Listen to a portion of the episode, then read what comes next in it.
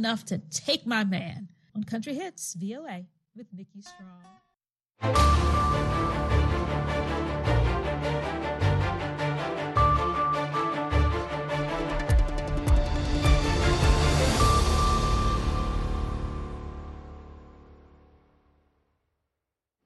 halkani waa washington laanta af soomaaliga ee v o a oo aad ka dhagaysanaysaan mawjadaha gaagaaban efemyada geeska africa iyo caalamka oo dhan oo aad nagala socotaan v o a somaly com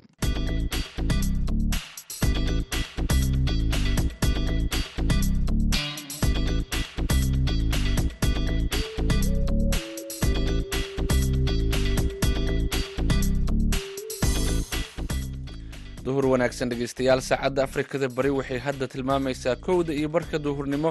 Waa maalin jimco ah afar iyo tobanka bisha oktoobar sanadka labada kun laba iyo labaatanka. Idaacadda duhurnimo ee barnaamijka dhallinyarada maanta waxaa idinla socodsiinaya aniga oo ah nuur xasan nuur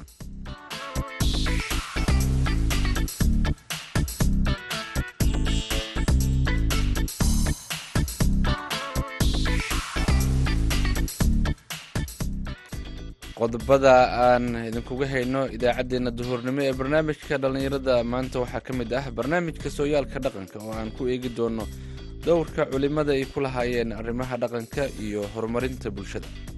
Culimadiinka soomaaliyeed marka taarikh ahaan la yidhaahdo doorka ay bulshada soomaaliyeed ku lahaayeen wuxuu ahaa door mannaar ah ama door ifaya. Culimmadu bulshada waxay u ahaayeen wax aan maanta hadda lagu soo koobi karayn waxaad kale oo aad maqli doontaan ciyaarihii iyo weliba kaalimihii heesaha. Intaas oo dhan se waxaa ka soo horreeya warkii caalamka.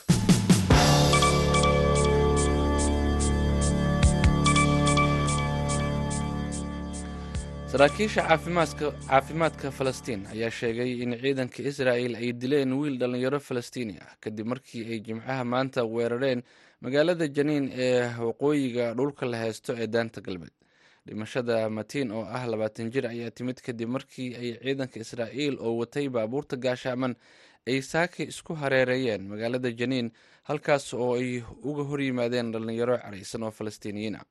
Weerarkaasi ayaa waxaa sidoo kale ku dhaawacmay shan kale oo uu ku jiro nin dhakhtar ah oo ay rasaasta ka haleeshay madaxa. Tan iyo bilowgii sanadkan ciidamada israa'iil ayaa daanta galbeed iyo kaza ku dilay ilaa iyo boqol iyo lixdan falastiiniyiin ah madaxweynaha shiinaha shi jinbin ayaa lagu wadaa inuu axadda daah furo shirweynaha xisbiga shuuciga kulankaas oo lagu tilmaamay mid taariikhi ah oo isaga mar saddexaad dib loogu soo dooran doono. Shi ayaa sii xajisan doona awoodihiisa uu ku maamulo waddanka ugu dadka badan caalamka ee shiinaha. Marka si rasmi ah loogu dhawaaqo doorashadiisa ayaa waxa uu noqon doonaa madaxweynihii ugu awoodda badnaa ee shiinaha soo mara tan iyo hogaamiyihii hore ee dalkaasi maw zedong shirweynaha xisbiga shuuciga ah ayaa sanadkan waxuu ku soo aaday xilli dhaqaalaha shiinaha uu dhaawac daran gaarsiiyey siyaasadda dulqaad la'aanta covid sagaal iyo toban ee dowladda shiinaha iyo taageerada uu shii u muujiyey hogaamiyaha ruushka valadimir putin kadib weerarkii uu ku qaaday dalka ukraine. Dhegeystayaal warka caalamka waa naga intaa u diyaar garooba qeybaha inooga harsan idaacaddeenna duhurnimo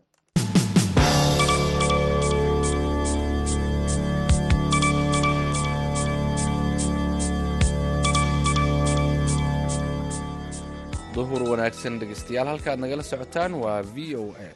Haatan ku soo dhowaada barnaamijka sooyaalka dhaqanka. Waxaa inoo soo diyaariyey wariyaha v o e da ee laascaanood cabdikariim olol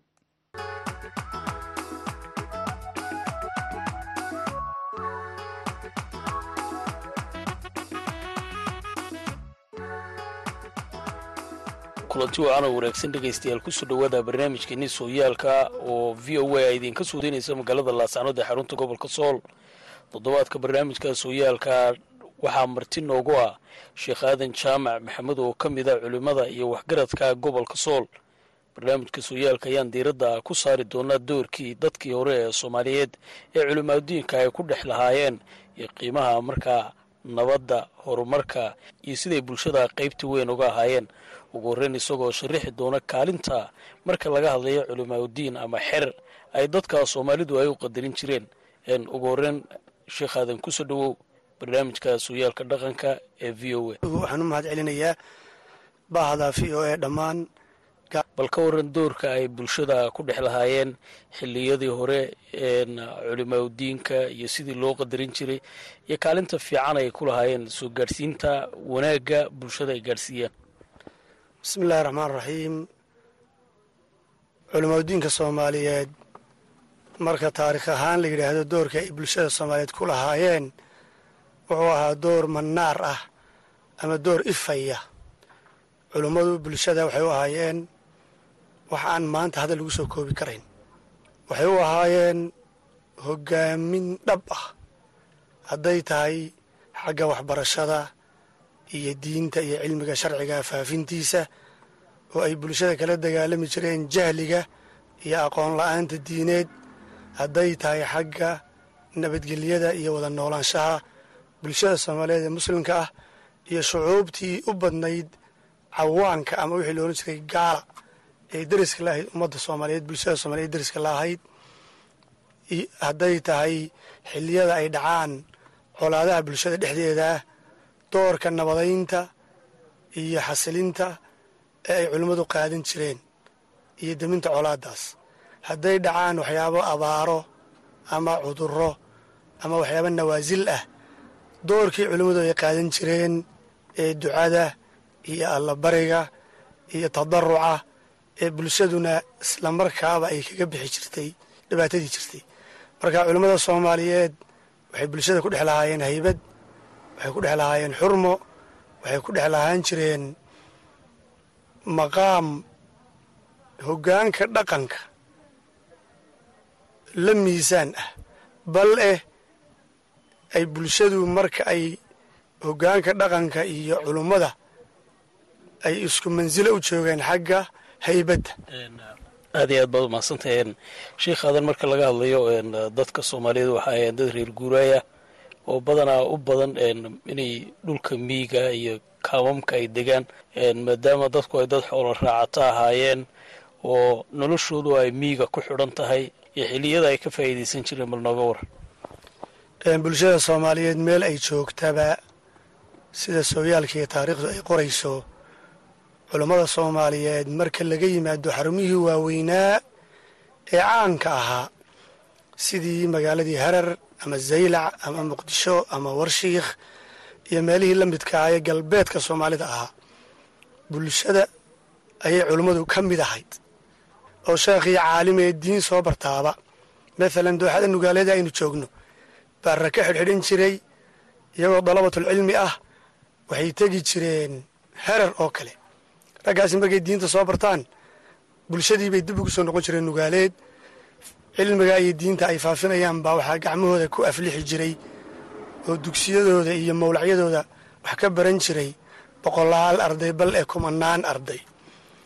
Nasiib wanaag culummadaas soomaaliyeed ee hore manhaj saxan oo manhajkan ahlu sunna waljamaaca la yidhaahdo ayay bulshada ku hoggaamin jireen wayna ka midaysnaayeen caqiidada noocaasa inay ay bulshada ku hagaan.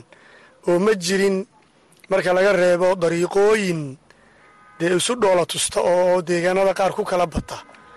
May jirin cadaawad dagaal ama cadaawad. Culummada dhexdeeda ah oo isdilaan ma ay jiri jirin.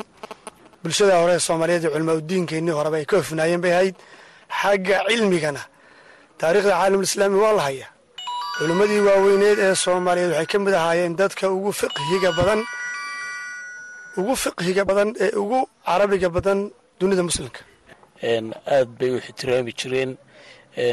Xiliyada barwaaqada oo kale alla baryay dadku dhigan jireen. Ardayda oo kale xiliyadaas oo kale ay qur'aanka bari jireen. Bal ka waran dhanka waxbarashada iyo siday dadka uga faa'iideyn jireen. Doorka waxbaridda markay joogaan ee bulshada dhex socdaan wakhti iyo dadaal iyo juhdi dheeraada bay ku bixin jireen in dadkoodu jahliga ka baxo oo diinta barto waxaad garanaysaa adawaadkii la isticmaali jiray. Sheekhii dadku dhex guuri jiray halka la deguudegi jiray geed baa la oodi jiray khad baa la qooshan jiray iyadoo caqabado fara badani jiraan xaggii waxbarashada. Baa haddana sheekhaasi har iyo habeen wuxuu u taagnaan jiray inuu dadaal ku bixiyo sidii dadkiisa uu u bari lahaa diintan islaamka xaniifka u bari lahaa. Marka wixii dhintayna horta allah u naxariisto inta loona allah xifdiya culimmadii soomaaliyeed ee hore. Dadaal iyo juhdi iyo ikhlaas iyo waxaan haddeer aanan waraysi iyo mid iyo laba ku soo koobi karayn. Naf hur baan odhan karaa. Naf hurid bay bulshada wax ku bari jireen. Ilaahayna waa la qaban jiray. Dadkooduna waa ku kalsoonaa. Iimaanna waa lagu qabay. Ilaahay subxaana wa tacaala jazaha ka sameeyo ha ka jazaa'i siiyo. Abaalkaa wanaagsan ay bulshada soomaaliyeed gashadeen iyo halkaa ay soo gaadhsiiyeen maanta. Door fiican bay waxay ku lahaayeen nabadda iyo nabadgelyada iyo shareecada diinta islaamka waxay ka qabto sida dhedka loo dhexdhexaadiyo. Kaalin intee leeg bay ku lahaayeen. Waxaa dhici jirtay iyadoo laba qabiil isku soo duushay oo dagaal socdo. Haddii hal sheikh addimo ama takbiirto in labada qoloba kala dareeraan hadda waa hal sheikh haddii laba iyo saddex iyo ka badanna iskaba dhaaf. Marka waxay ahaayeen ilaahay subxaana wa tacaala nimco uu ummadda soomaaliyeed siiyey bay ahaayeen. Waxaa kaloo aad cajaa'ib oo dhici jirtay oon culummadii soomaaliyeed ka soo gaadhnay. Dadyowgii gaalada ahaa ama cawaanka ah ee bilaadiinta ay geeska afrika deganaa markay arkaan nidaamka ay culimmada soomaaliyeed diinta u faafinhayaan macallinkan maryaha cadcad ee ardada haya ee nadiifta ah ee loo keenayo qurbaanka ama deebedmayo ardaygii qur'aanka dhammeeyaba qaalinta lo-da ama tageel ah laga siinayo inay u soo hiloobi jireen iyagoon ciidna khasbin inay islaamaan. Oo maanta qabaayil dhan oo geeska afrika ku nool oo aan soomaaliba ahayn islaamka ay maanta ku faanayaan ay sabab u ahayd culimo soomaaliyeed ay sabab u ahayd. Dhanka xernimada inay dadku ay meel isugu yimaadaan ay wax ku bartaan oo qur'aanka ku daraaseeyaan bal ka waran qaabkaas oo kale sida ay ku beri jireen. Qaabkaasi wuxuu ahaan jiray qaab aad iyo aad u wanaagsan oo munadam ah ama nidaamsan oo ardayguna arday yahay macallinkuna macallin yahay xuduudna ay kala leeyihiin iyo fadiilo kaasaana wuxuu sababi jiray ardaygaasi inuu hadhow noqdo qof macallinkiisii kaalintiisii buuxiya oo hadday cilmi ahayd iyo hadday ixtiraam ahayd iyo hadday fadiilo ahaydba kaalintii macallinkiisa arday buuxiya noqon jirtay. Marka nidaamka brotocoolka afkan qalaad waxa lagu yidhaha brotocoolka ayaa wuxuu ahaa brotocool lala qabsaday oo culummaduna ay dejisay ummadda soomaaliyeedna la qabsatay. Ilmuhu inuu arday ka bilaabo aadaab la baro qur'aankii loo bilaabo la hubsado inuu ilmahaasi qur'aankaas xifdiyey oo dhammeeyey gacanta lagu sii hayo intuu funuuntii kale cilmiga luqadii carabiga u horaysa iyo hadday fiqhi tahay hadday xadiid tahay hadday tafsiir tahay funuuntii kale oo dhanna inuu sidaa ardaygii isagoo weli sheekhiisii gacanta ku hayo uu sidaa u sii muquurto wixii kale ardaygaasi markaa dadaalkiisa uu damco inuu ku darsadee macallinkiisa ka baxsanna inuu u xeraysto oo ama adari aado ama zeylac aado ama muqdisho aado ama warshiikha aado ama aado baar dheere aado ama berdaale aado ama meel uun dariiqo dabkeed ka baxayo uu u tago oo cilmigii ka soo aad iyo aad baad umahadsan tahay. Weli waxaynu ku jirnaa barnaamijkeenii sooyaalka dhaqanka oo idinka imanaya magaalada laascaanood shiikhaadan waxyaabaha cajiibka waxaa ka mid ahaa.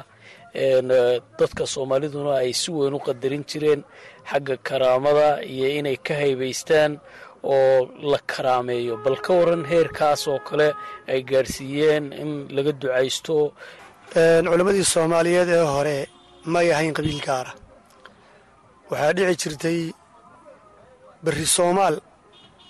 Bad ilaa bad in sheekhii socdo oo lugeeyaba. Ama kooxdaa xertii socoto oo lugayso ama cilmi ha raadinayso. Waxay ahayd dallad dhammaan ummadda soomaaliyeed ay hadhsanayaan bay culimmada soomaaliyeed ahayd. Waxyaabo bulshadu markhaati ka ahayd oo ay sharaftooda ku dhisi jireenna way jirtayoo sheekhaa lugaynhaya ama culimmada kooxda ee lugaynaysa jamaacada ah.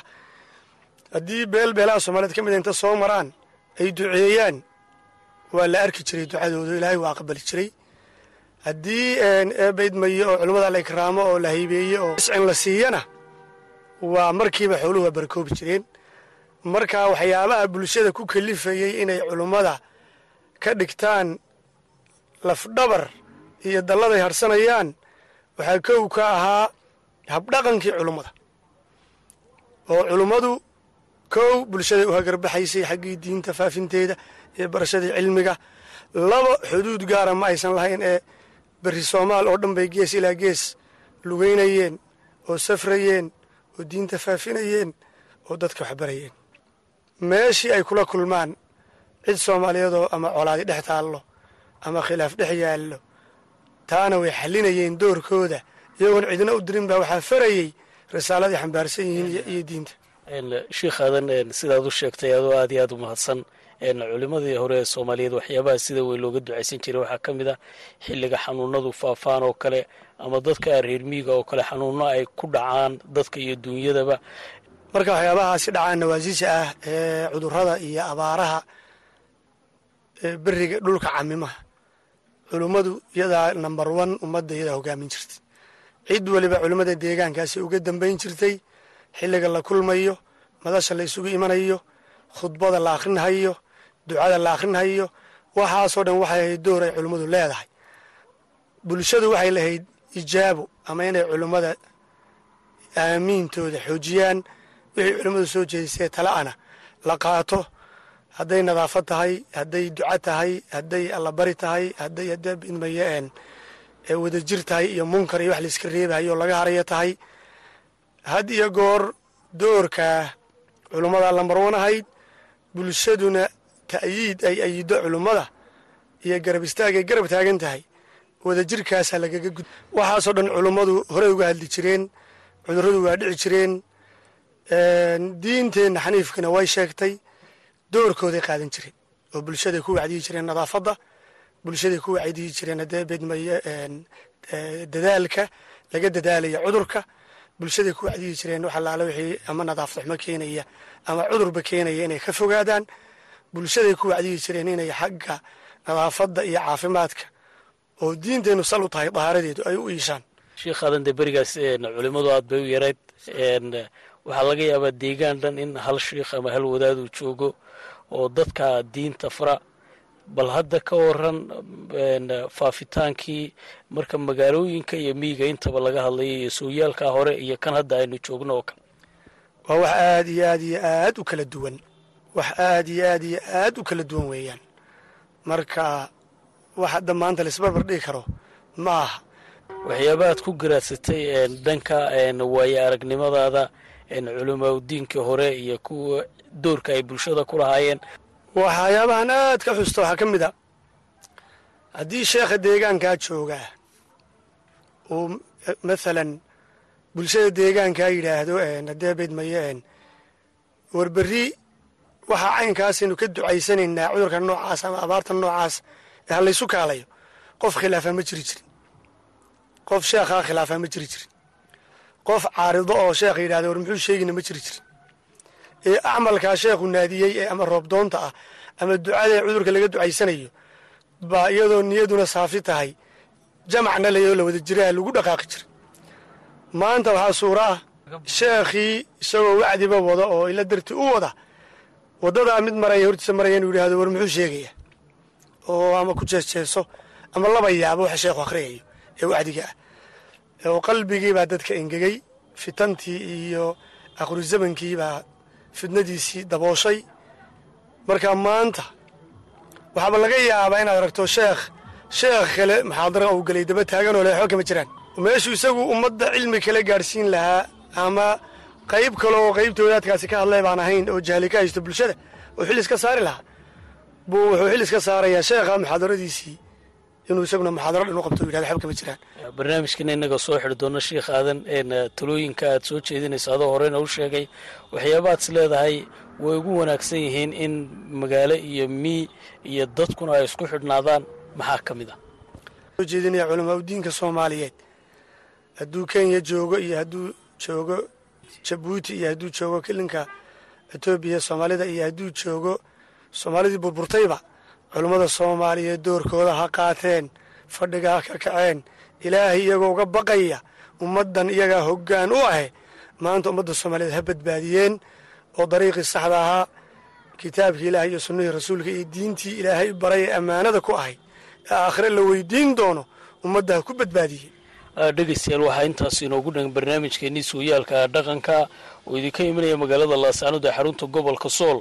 Toddobaadkan waxaa marti noogu ahaa sheekh aadan sheekh aadan jaamac maxamed oo ka mid a culimmada iyo waxgaradka gobolka sool. Intaynu ku kulmi doonno barnaamijkaasi mid la mida dhammaantay waxaan kaga tegaynaa sidaasi nabadgeli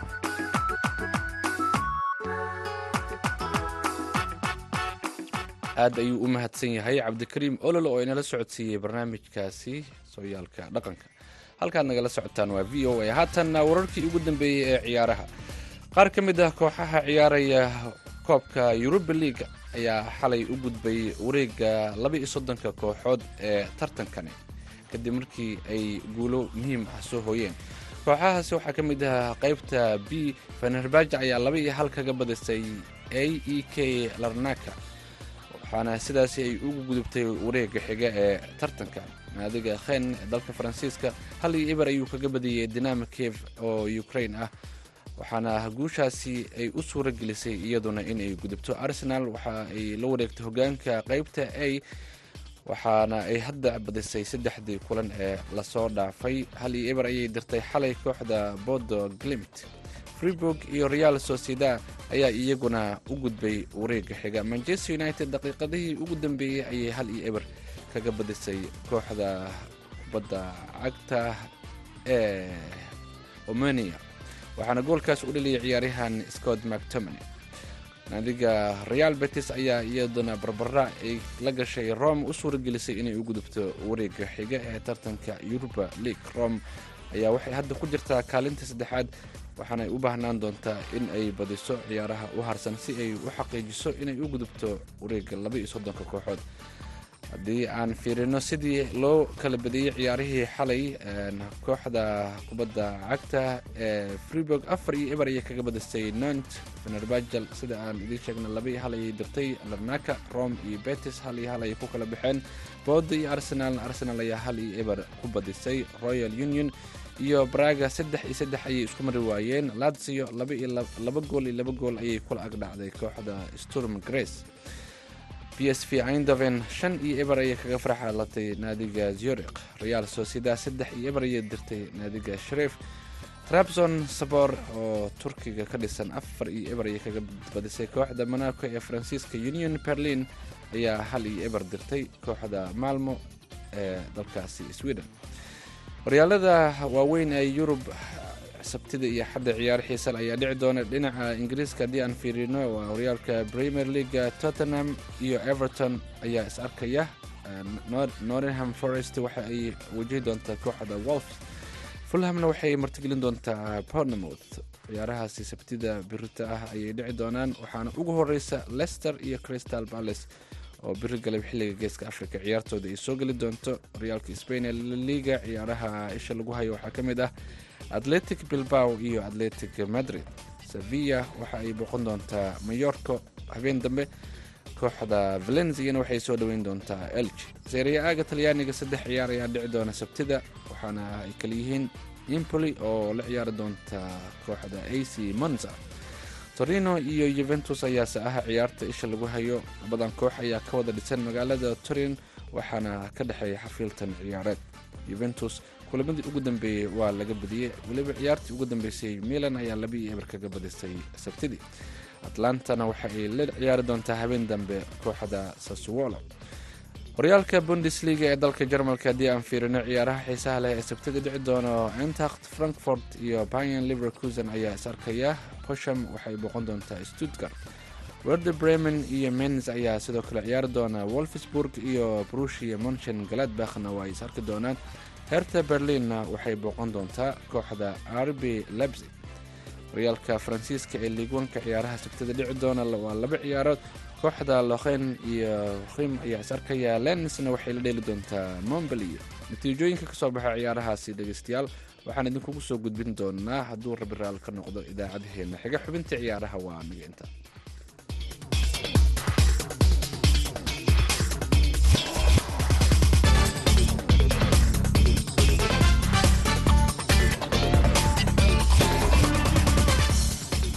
halka aad dhegeystayaal nagala socotaan waa voice of america washington. Haatanna dhinacii heesaha haddii aan aadno aan ka codsado farsamo yaqaanka inuu inoo soo qabto heesta maanta.